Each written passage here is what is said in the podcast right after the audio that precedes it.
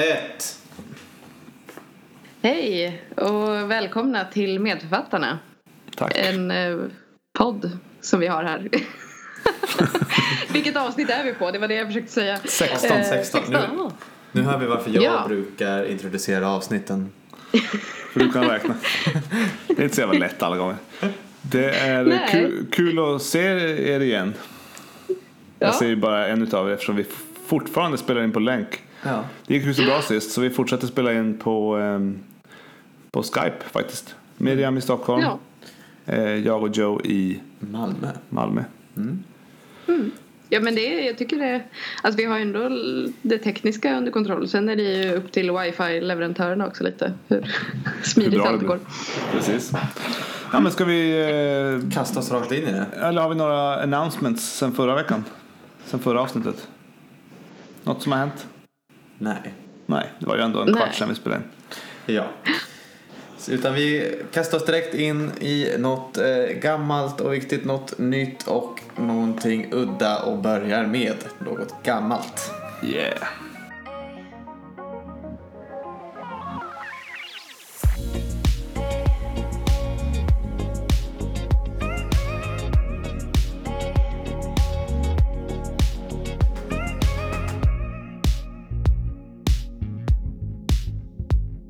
Ja, det är jag som ska prata om någonting viktigt. Inte så jättegammalt, men någonting viktigt.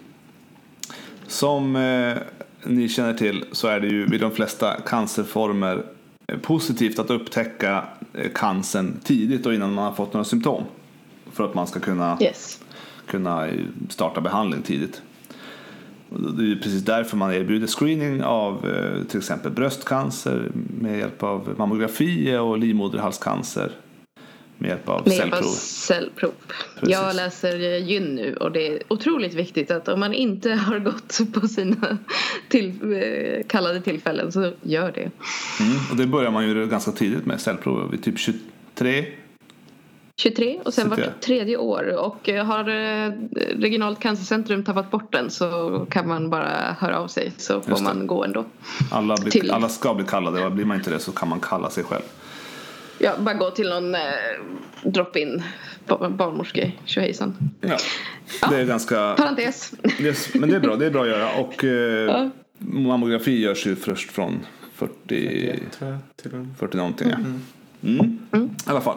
Eh, en eh, vanlig form av manlig cancer, de andra där var ju faktiskt kvinnliga mest. Bröstcancer kommer väl någon man att få men det är inte många. Eh, men den vanligaste hos män är ju prostatacancer. Och där dyker det ju upp eh, med jämna, med jämna mellanrum eh, upprop om att man borde ha en varför har vi inte en screening för det? Det är ju för jävligt, rent ut sagt, tycker många.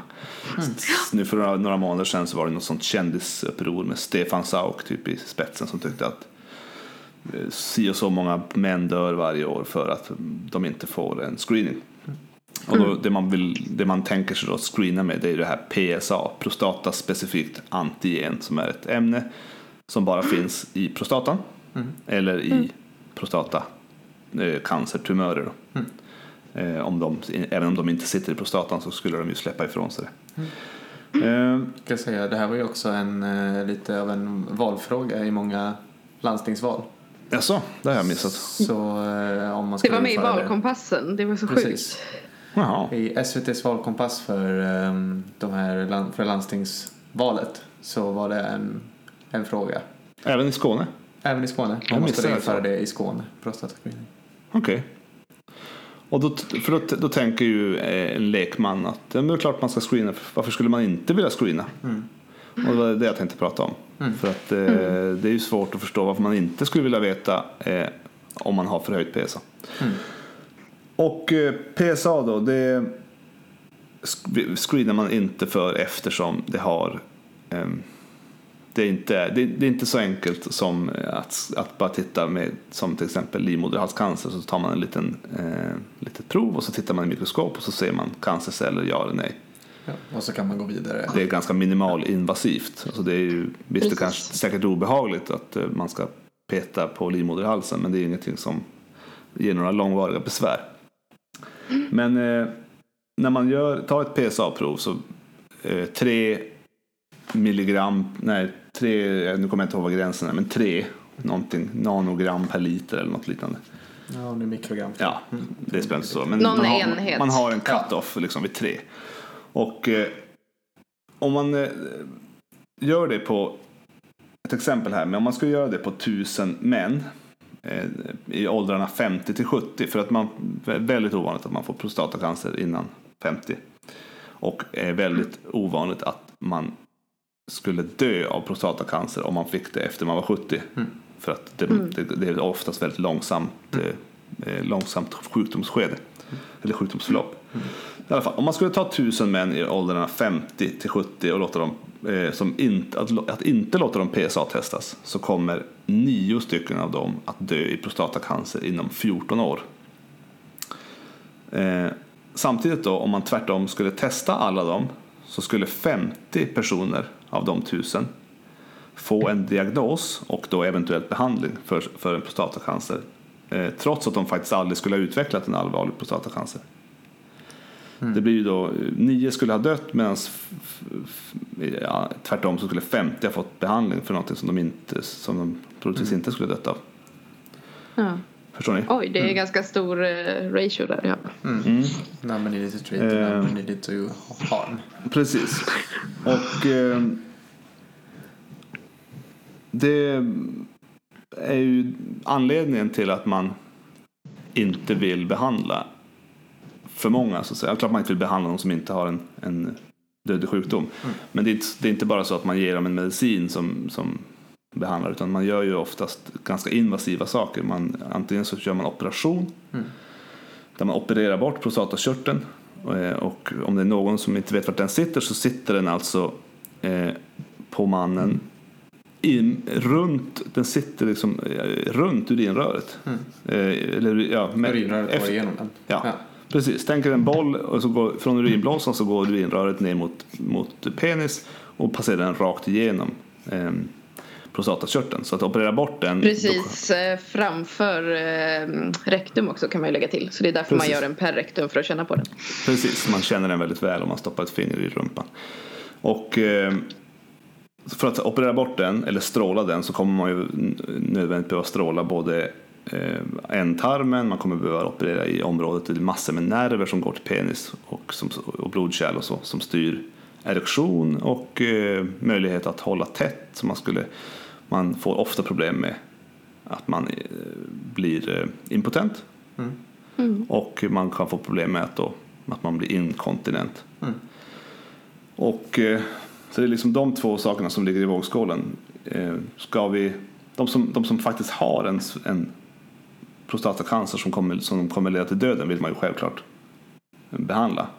Men problemet är att man vet inte vem det är med bara ett PSA-test. Så därför är det inte så lätt att PSA-testa alla. För att PSA kan ju då vara förhöjt av jättemånga orsaker, inte bara Ja, ja. cancer. Absolut, det kan vara att, eh, förhöjt av alla sjukdomar i prostatan eller, eller till och med en liten inflammation i prostatan.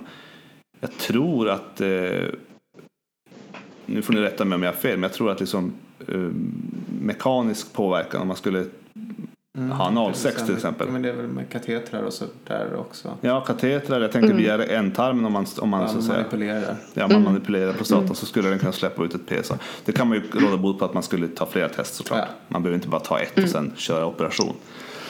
Men eh, eh, det man gör om man nu får ett... I Sverige har vi alltså inte screening men vi har den ordningen att en man kan begära man kan, man kan prata med sin primärvårdsläkare och så kan ha- han eller hon berätta om för och nackdelar och så får man själv ta ställning till om man vill ta ett PSA-prov. Och sen kan man återigen när man fått svaret då, ta ställning till ska vi fortsätta. Och det man kan göra då är att man tar biopsi. Man tar helt enkelt, går via, man går via ändtarmen va? Ja, det är Och tar med nålar, sticker in nålar i prostatan. Som inte heller är komplikationsfritt. Nej, det kan också leda till infektioner och andra problem. Sepsis. Till, Sepsis till och med. Ja, och tar man ut och så tittar man på dem och då har vi den här, kommer ni ihåg Gleason score? Eh, Gleason score är då för att differentiera, för att titta på en, är det här en, kommer den här cancern att bli, eh, kommer den troligtvis att bli farlig eller kommer den troligtvis inte att bli farlig? Och eh, om ni inte kommer ihåg Gleason score så var det, det var så att man, eh, man tittar på, de, man tittar på biopsierna så ser man hur, dif, hur differentierade är de. Om de är, eh, alltså hur mycket olika sorters celler det finns. Finns det väldigt mycket, mycket av samma sort, alltså odifferentierat, så, eh, så är det ju tecken på cancer. Ja, om den har dåliga strukturer. Ja, och- precis. Och då kan man få, Dåligt då, utvecklade. Ja, precis. Och då tar man, man tar, det, det är alltid en summa, Gleason score, en summa. Till exempel 3 plus 4 är lika med 7. Och då är det liksom, Och då är det det värsta och det som förekommer mest. mest. precis. Visst är det så? Att Det- den, den graden som är värst, att här borta i det här området i det här provet vi har tagit så ser cellerna Så är jättedåliga ut. Ja, Eh, och så tar man det plus det som är vanligast i Mest av hela allt, ja. provet. Jag trodde det var det som var mest av plus det som var näst mest av. Men ja, okej. eh, det beror nog på om det, om det finns mer än, två sort, eh, mer än två olika grader. För du tar ju flera prov. Ja, Kanske sig. inte många nålar man sticker, men ganska många. Mm. I alla fall, en Det gör man då vid förhöjt PSA. Ja, precis. Kan man göra Mm. om, man, om patienten vill gå vidare med det. Mm, men Gleason-summa på 6 eller under anses då eh, oftast inte leda till någon som helst problem. Eh, I alla fall inte. Alltså, Inte eller- inom ett rimligt tidsförlopp. nej, jag läste att det är betydligt fler män som dör med prostatacancer än som dör av prostatacancer. Ja, det får man ju höra. Ja. För att- ofta på de här biopsierna så har man, eller så hittar man väl liksom en liten, liten kolv med någonting som är hyfsat höggradigt. Precis. Alltså en pytteliten, man mäter på något sätt i den här kolven hur mycket av det som är prostatacancer och då kommer jag också ha väldigt pyttelitet område som Mm. är. Men då finns det, då, eh, finns det några karolinska, tror jag, jag tror det är på karolinska, jag antar det, några- Stockholmsforskare i alla fall som har tagit fram en metod som de kallar för Stockholm 3-testet. Och det är eh, en kombination, det är tre, tre saker, en kombination av Dels tar man plasmaproteiner, man tar PSA, man tar fritt PSA, något som kallas för intakt PSA, eh, HK2, eh, MIC1 och MSMB. De, eh, där är jag inte be- bekant med faktiskt vad de, vad de är för. som dåliga myndigheter. Ja, men det är ett antal, ett antal plasmaproteiner, alltså ett blodprov helt enkelt. Man tar ett blodprov och så tittar man på de olika eh, proteinerna i plasma. Man tar lite, andra, lite genetiska snippar, polymorfer. Eh, flera hundra stycken som man tittar rent på DNA helt enkelt. Som är associerade då för... Ja, precis. Som man har van, valt ut för att de är associerade med hög risk. Och sen så går man på rent eh, ana- anamnestiska klinisk information som ålder, eh, familjehistoria, tidigare vävprovstagning, eh, palpationsfynd, alltså när man känner i rekt, per rektum hur, hur prostatakörteln känns och även prostatavolym. Och det enda sättet jag just kan det. tänka mig prostatavolym, att man får, det måste ju vara med ultraljud. Eller? Kan Ja. ni tänka er något annat sätt att få fram prostatavolym? Alltså man kan ju känna och Mm. beräkna men, Ja, ja, Nej jag men det måste ju vara Det måste vara ultraljud, ja. rimligare. men, men Ja, eh, ja, för vi kan prata om det sen men jag, jag tänker ju att prostatavolym, ultraljud per rektum gör man väl inte på en Det vårdcentral. gör man inte så ofta. Det Kanske är uppskattat. Ja, för att jag- annars måste man skicka alla till eh, Ja, nej, det urologen det så känns ju, ja. det går ju inte. Eller så har man speciella mottagningar för det här men ja. Ja. I alla fall, de här eh, Stockholm 3 eh, studien då. Man har ju mammografimottagningar vill jag bara flika in. Ja, ja varför inte. Ja. Eh, De här, eh, den här studien så tog man 58 818 män utan känd prostatacancer i åldrarna 50 till 69, då, precis det här intervallet. Ehm, som fick delta i studien och av dem så genomgick eh, 6 777 vävnadsprovtagning av prostata. Och eh, då kunde man visa att det här Stockholm 3-testet då eh, presterade bättre än PSA för detektion av prostatacancer med ett Gleason score på högre eller lika med 7, vilket vi sa. Om det var 6 eller mindre så var det en liten risk. Så de är signifikant bättre. Eh, och eh, om man använde eh, samma sensitivitet för eh, det här Gleason score över 7, eh, över eller lika med 7 på tumörer som hade där man hade ett PSA på över 3. Som var också De var sa, positiva var liksom du? Så de var positiva i den screeningen. De var positiva i PSA. Om man använde samma sensitivitet där så undvek man genom att använda Stockholm 3-testet undvek man eh, vävnadsprovtagning av eh, pos- alltså av benigna, av eh, godartade tumörer, eller godartade prostataförstoringar i 32 till 44 procent av fallen. Så man slapp, eh, man slapp sticka helt enkelt med, med, nål, med nålar på ganska många om man använde Stockholm 3 jämfört med om man bara använde PSA. Och eh, man slapp ungefär en femtedel av alla eh, Alltså man diagnostiserade en femtedel färre med Gleason score 6 eller lägre. Då. Mm. Så sammanfattningsvis, så om man använder Stockholm 3 så, är- så slipper man, man, man minskar antalet falska positiva ganska kraftigt. Mm. Eh, men, och det är bra. Ja. Men det är också lite, man, men jag tänker så här, man använder ju PSA i PSA är ju en del av test av Stockholm 3.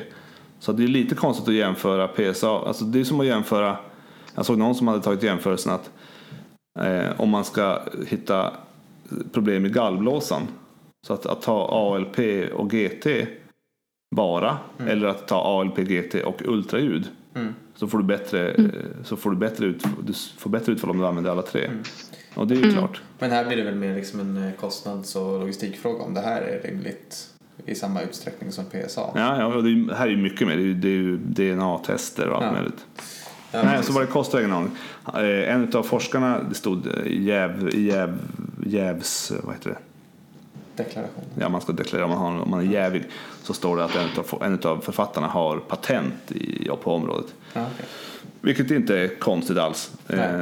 egentligen. Men, det, men det, men jag tror inte att han hittar på såklart. Men det, det är ändå värt att veta att det, det, det, kommer ju, det här kommer ju kosta mycket mer pengar att göra det på alla. Och det är någon som tjänar pengar på det. Mm. Men eh, jag vet inte hur mycket. Jag har aldrig. Jag har aldrig använt. Jag har aldrig hört att man har använt Stockholm 3-metoden i Skåne. Har det något som du har hört? Ja.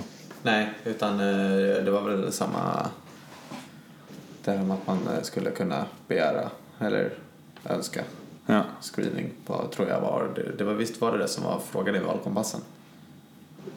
Men det var ju bara om man skulle införa Om man skulle införa det. screening. Screening, ja, då säger, de specificerar inte specificerar inte det med vad. Nej. Men känns inte Nej. det lite populistiskt fråga? Hur ska, hur ska gemene man kunna ta ställning till det?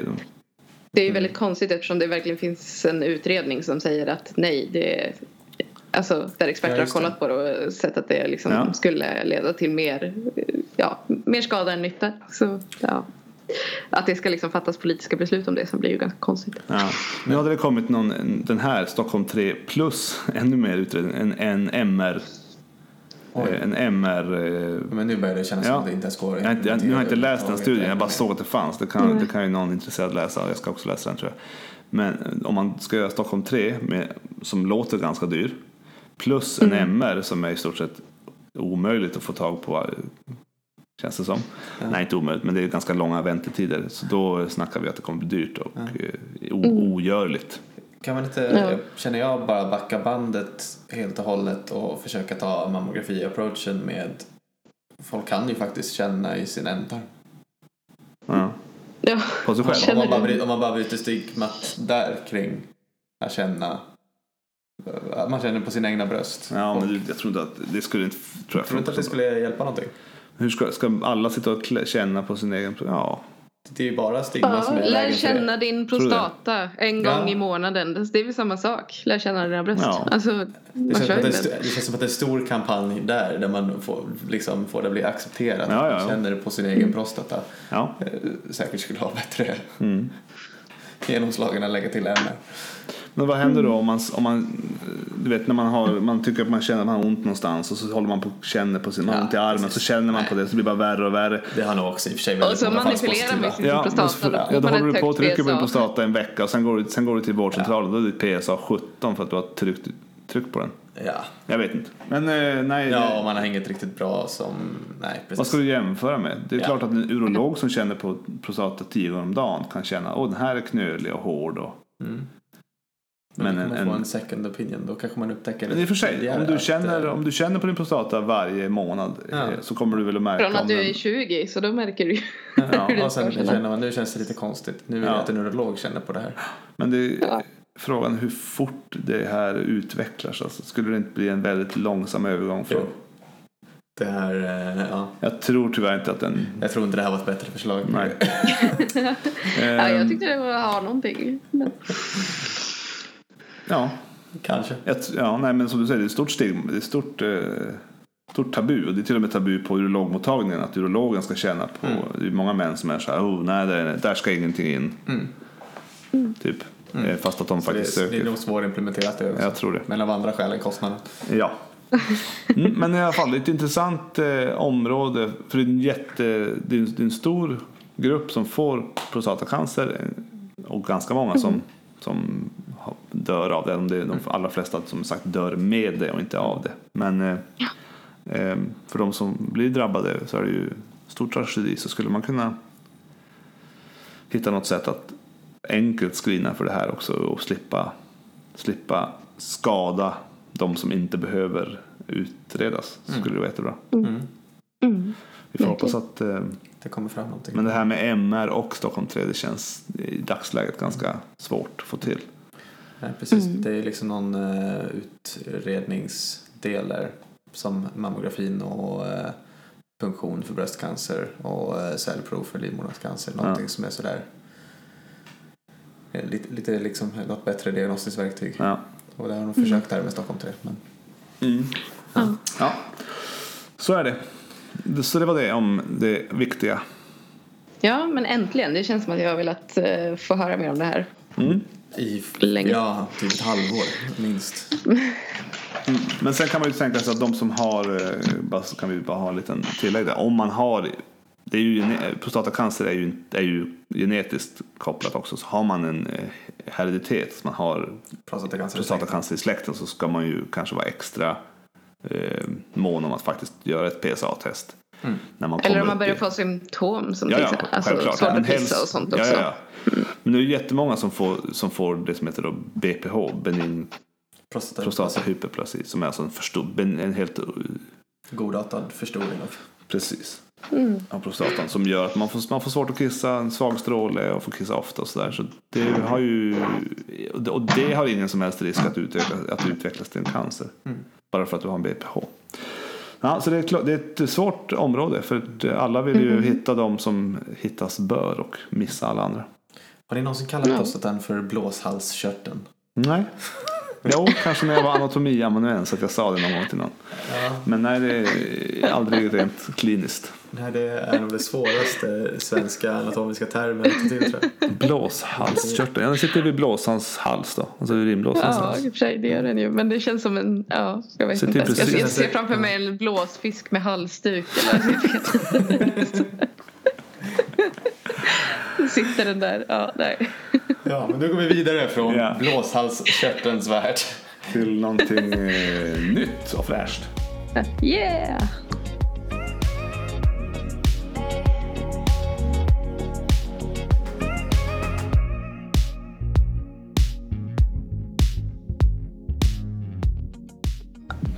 Jag tänkte fråga så här. Eh, Kosttillskott, tar ni något sånt eller? D-vitamin eh, försöker jag ändå ta vinterhalvåret faktiskt. Jaså? Nej, jag tar nog ingenting. Nej. Vad, vad tycker ni om sånt generellt? Jag tycker rent generellt att det är en... Alltså det är ju klart att det finns de som behöver det. Till exempel Joe på vinterhalvåret då, för att han får för lite sol tydligen.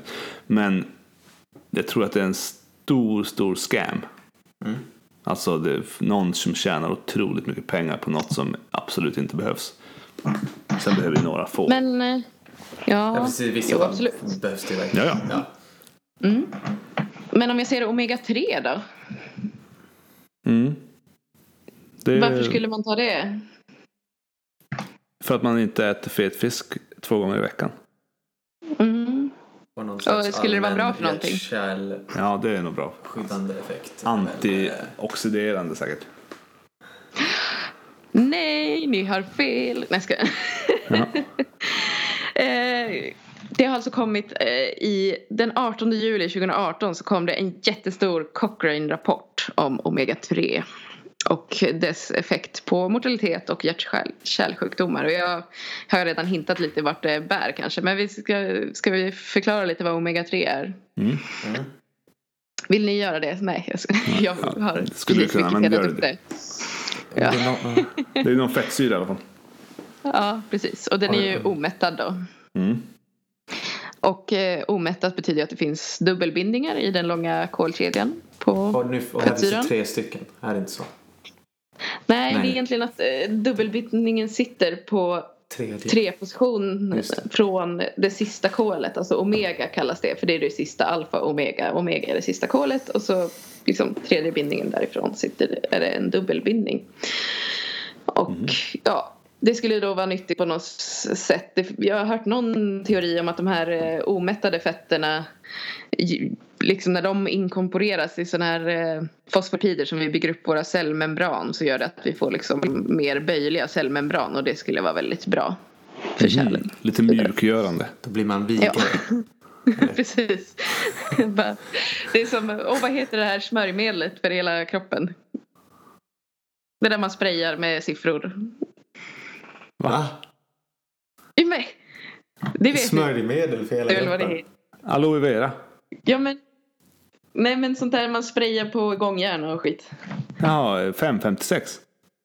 556. Omega 3 är kroppens 556. Ja, nu fattar jag. Ja, ja, okej. Skulle man kunna tro. Ja, Du, du långsökt. menade inte men, att eh, du smor- smorde in kroppen med 556? Det luktar ju gott. Det luktar ju som jänka. Såna gamla tuggummin som man hade. Ja. ja, det hade varit roliga skämt om jag hade kommit ihåg vad det hette. Eh, Det är ofta så. Men, eh, jag tror att det egentligen började med att man har ju identifierat att vissa grupper som äter mycket fet fisk i sin diet mm, ja, men hade mindre hjärt-kärlsjukdomar och levde längre. Och då hittade man att fet fisk innehöll mycket omega-3 och drog vidare någon sorts teori om att det var det här som eh, gjorde att det var bra. Ehm, men eh, och eh, det har ju liksom varit ganska länge ändå att man har, att man har liksom sagt att ja, men omega-3 och D-vitamin det är kanske de två sakerna en läkare ändå skulle kunna säga att man ska äta. Eh, men nu kom den här stora Cochrane-rapporten som eh, heter så mycket som möjligt, höll jag på att säga. Omega 3 fatty Acid for the primary and secondary prevention of cardiovascular disease. Eh, och där hade de hittat, de tittade på eh, 79 randomized trials. ehm, med, nu ska vi se, 112 000 människor i. Från hela världen, kvinnor och män och både friska och sjuka. Eh, men ungefär 25 av de här studierna tyckte de var av bra kvalitet och inte hade risk för, hög risk för bias. Eh, Mm. eh, och eh, man tittade både på eh, då, eh, mortalitet och eh, kardiovaskulär mortalitet, eh, kardiovaskulära händelser, eh, koronär hjärtsjukdom, eh, stroke, arytmier, eh, hjärtsvikt och man hittade faktiskt ingen signifikant effekt av omega-3 här. Mhm. Och det... Ja. Det är lite så här spännande hur... Jag tycker det, för jag tycker det illustrerar så väl hur liksom kosttillskottsindustrin på något sätt får leva under helt andra regler än eh, andra liksom, ja, läkemedelsindustrin. Att man kan i princip lova vad som helst eller man har en liten känsla av att det här är nog bra och så kan man rekommendera det. Men det här är ju...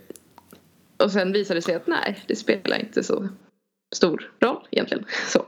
Nej, det känns ju ganska definitivt också med en sån stor systematisk review. Mm.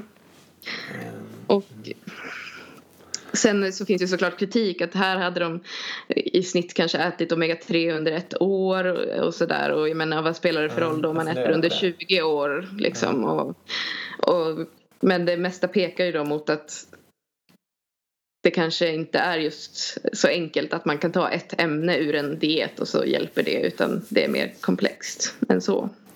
Men med, eller mediantiden där, det var kring ett år eller? Ett till två år. Ja. Mm. Det är ju ändå ganska kort.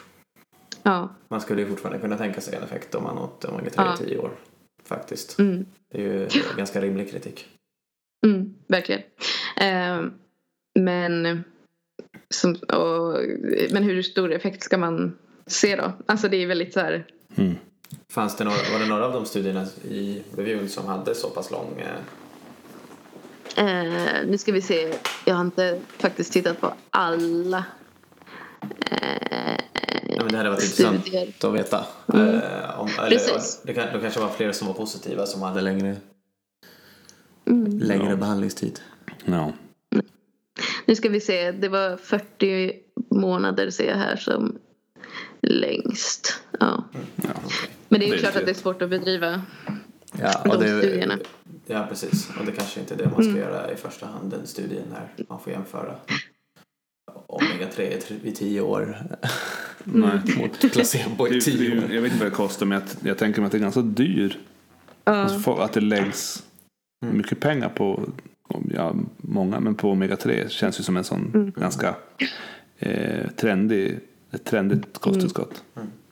Jag tycker det är så konstigt. Jag bara läste runt lite i såna här eh, mediakommentarer liksom. Och Mm. Bara ett sånt faktum att det fanns någon sorts världsorganisation som liksom för användandet av omega-3 som liksom la sig i det här och lobbade för omega-3. Det tycker jag känns ganska konstigt. Alltså det fanns Mm. verkligen en, sån här global association. Eh, ja. Det, det ringer lite varningsklockor där. Och även då jag gick vidare tyvärr och tittade lite på vitamin D också. och, eh, för det har man ju också ändå sagt att så här, men det är bra under vintern och vi har brist här uppe i Skandinavien och sådär. Men eh, där finns det också då en jättestor paraplyanalys från eh, BMG eh, som kom 2014. Där de tittade på nästan alla studier som någonsin har gjorts på alla områden.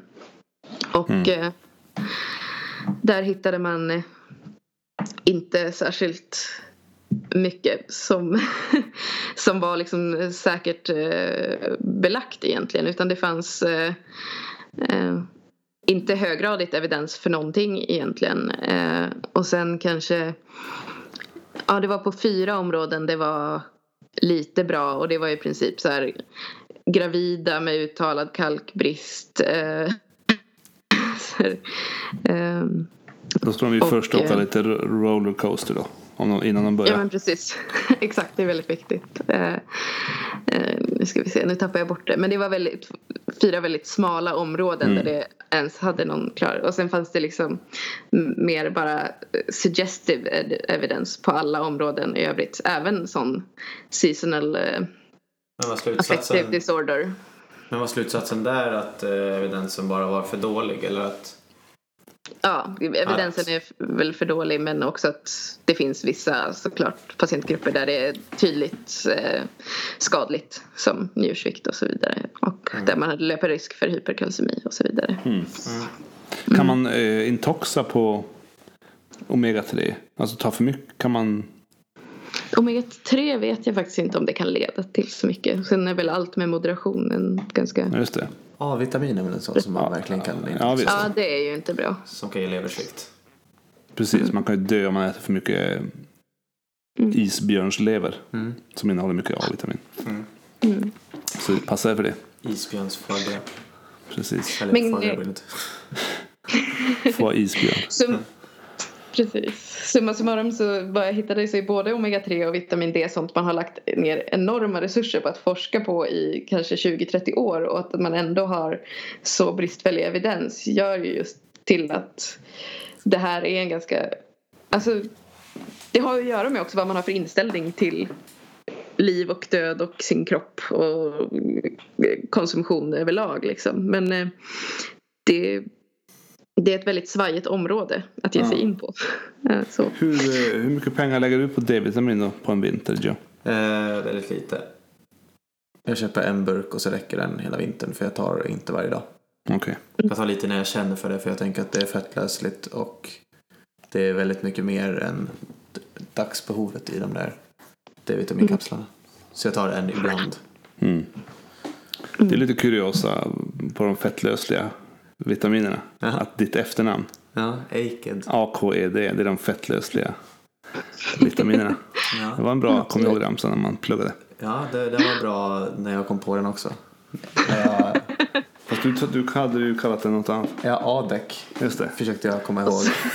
Det var min minnesramsa i, ganska länge innan någon påpekade att mitt efternamn var Erik. Ja. Ja, det är bra.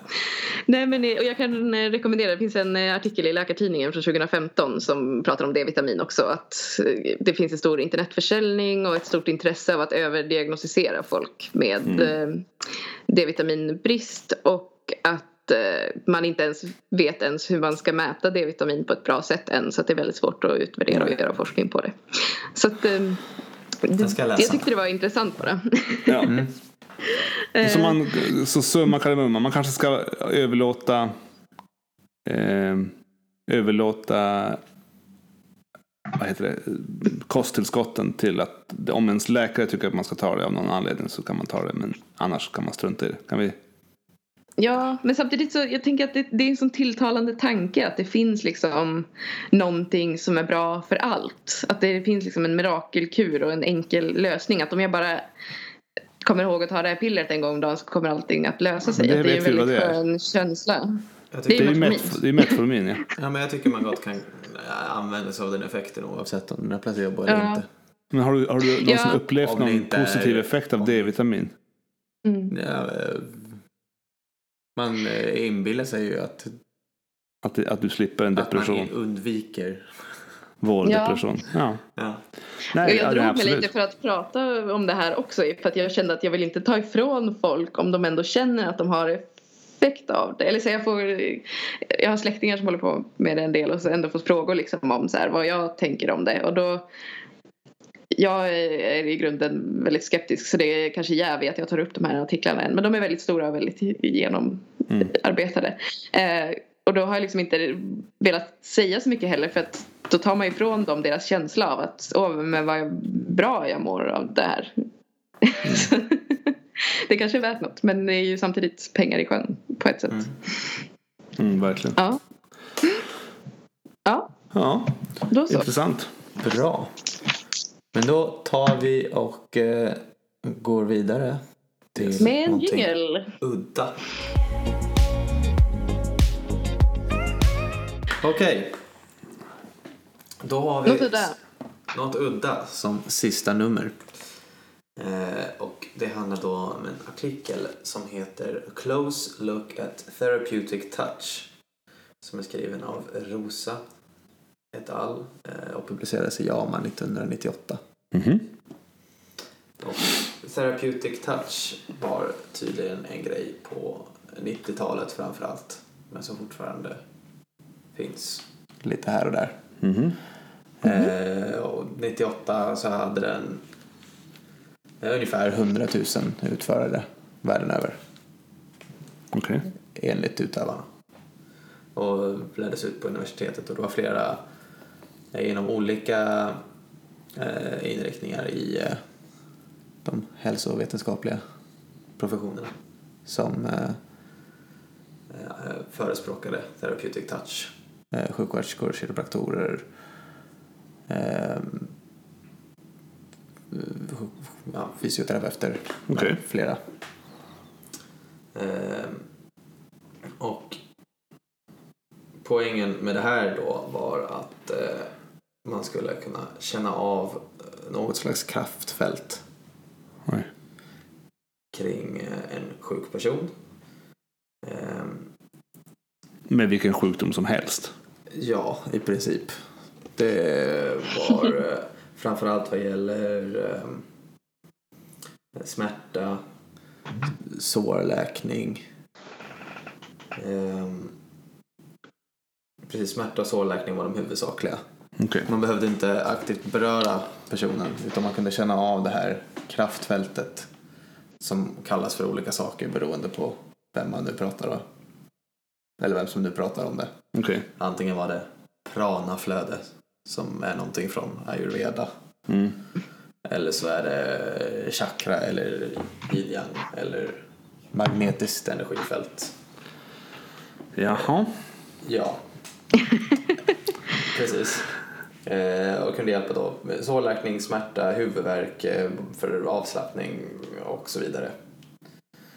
Eh, och det, det här var ändå stort på den här tiden och var med i liksom stora tv-inslag med folk som förespråkade det här. Men var det stort i Sverige eller var det andra länder? Framförallt i USA. Ja. Eh, Såklart. Och, och det artikelförfattarna här gjorde var, förutom en eh, eh, litteraturöversikt, var att eh, göra en eh, randomis- randomiserad kontrollerad studie där man bjöd in 21 therapeutic touch-terapeuter eh, som fick sitta med handflatorna uppåt med undersökaren på andra sidan av en skärm där undersökaren singlar en slant och sen håller fram någon av händerna antingen höger eller vänster hand. Och De ser alltså inte det här. de ser inte.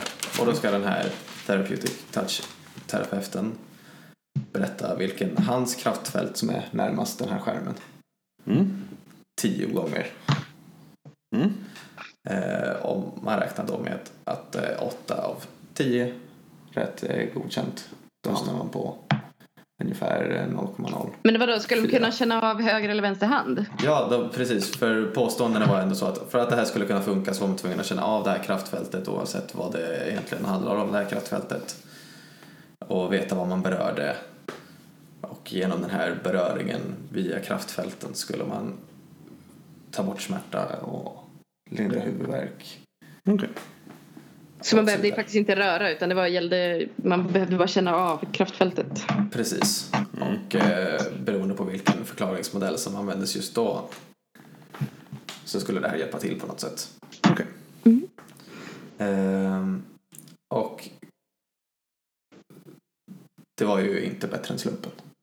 Det var fem, fem av tio. Ja. Nej, det var lite mindre. Eh, I den första eh, trialen då så var det 70 av 150 gånger som det blev rätt. Okej. Eh, folk hade mellan 2 och 8 rätt. Det var en person som fick 8 rätt av 10. Som då fick göra omtestning.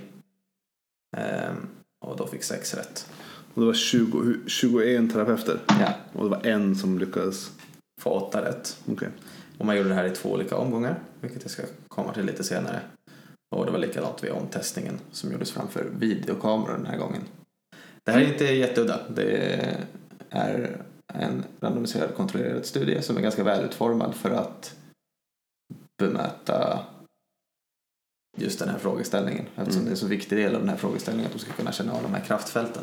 Ja, om de inte ens känner av kraftfältet så är det svårt att... Precis, det, är liksom en grund, det var en Ja, grundbult, grundbult, i, eh, i den här eh, tänkta behandlingen. Eh, men tanken till den här randomiserade kontrollerade studien kom till när andra författaren Emily Rosa såg ett inslag om det här på TV. Och så fick hon sen hjälp av första och tredje författaren Linda Rosa och Larry Charmer. Ska se så jag säger hans efternamn rätt. Var de släkt? Emily och Linda. Sarner, ja. Fick hon hjälp med eh, i den här studion, Mm. eh, studien. Eh, och en eh, Steven Barrett. Eh, och hon fick nog förmodligen också hjälp med eh, skjuts till och från de här testningarna.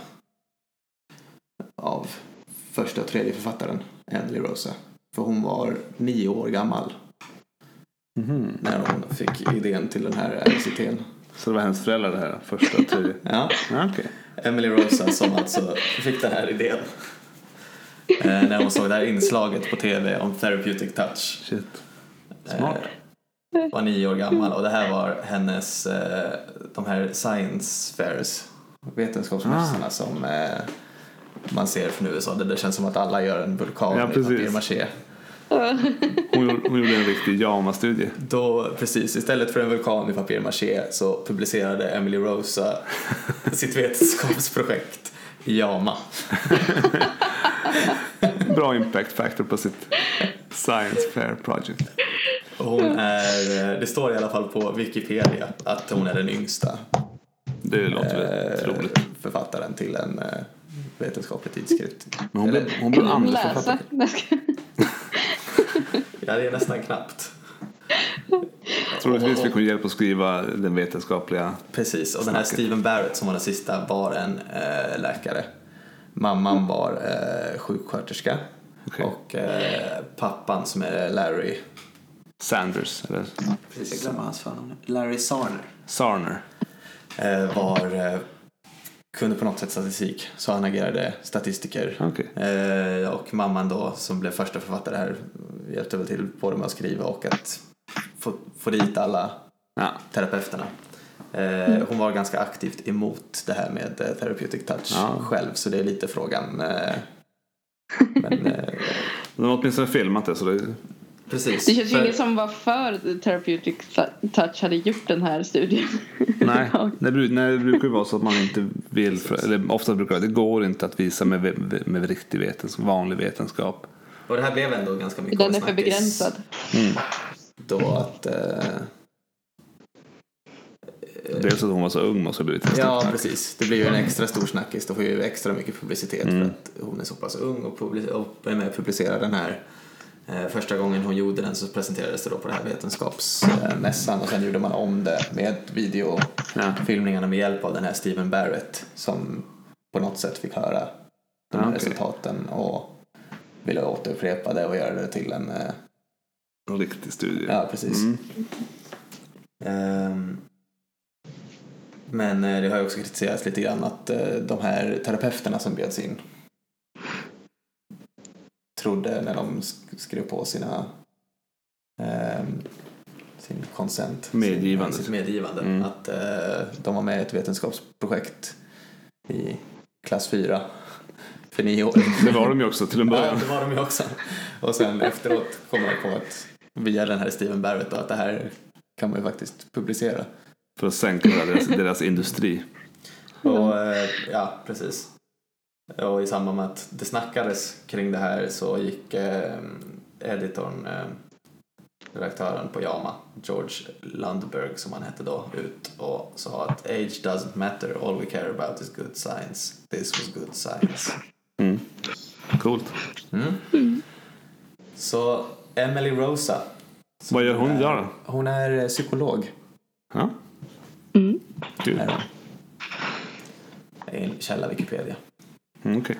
Och den här Dr. Barrett, har det någonting att göra med Barretts esophagus? Nej, utan han hade någon sån här ehm, hemsida som hette Quack Zone eller någonting sånt. Så Han var en- lite sådär, Quackjägare. precis. Och eh, hittade Emily Roses Science Fair-projekt. Så det, vem som helst kan göra en RCT. Ja, visst. Vem som helst kan hamna i Yama, eller? Nej. Ja. Ja, de man, ja, precis. Om, eh, enligt George Lundberg i alla fall. Så spelar Ja. ålder ingen roll i alla fall. Nej. Så länge det, så länge det är good, Good science. science. Men hur, du, används det här fortfarande? Du sa att det, det har minskat men det används fortfarande. Ja, jag hittade några nyare artiklar också. Eh, Där man försöker slå hål på det eller nej, när man försöker ja, man försöker testa det. Mm. testa det, precis. Ja, spännande. Ja, Emily Rosa. Det, ja, det inga fler publikationer tror jag. Nej, så det, är ju, det är ju spännande. Det kan ju alla som har småbarn försöka slå då. Eh, åldersrekordet. precis. Nio år. Det är svårslaget. Ja, Vi får börja med Lo nu kanske. Så. Precis, Lo, han är just där ett och ett halvt. Om jag börjar nu och måste hon komma på det så får jag nog själva Ja, projektet så får, vi nog vänta ett tag. Ja, vi får drilla Ja, jag tror- Men jag tänker, Jag tror vi struntar i det helt enkelt. Nej, ja, nej. Det, här, ja, det går nog att slå, men det är bara med ett par år. Sen, är det, sen börjar det bli omöjligt. Ja, verkligen. Ja. Kul. Ja, tack för det. Ja, Det det. avrundar vi. Mm. Avsnitt jag. 16 till sin ände. Tack så mycket för att ni lyssnar. Ja. Och hör av er på Instagram Ja, framförallt. vi Och- älskar när någon skriver vad som helst. Var som Man kan helst. skriva skit. Nej, typ inte Det- det skit. kul. Men nästan det. Så blir vi ändå glada. Ja. Och Ja. eh, tipsa om ni har någon kompis eh, som ni tror kan tycka det är kul med vetenskap och medicin. Så tipsa om. Och framförallt lyssna igen om två veckor. Mm. Ha det bra. Ha det bra! Ja, hej då. Wow, wow.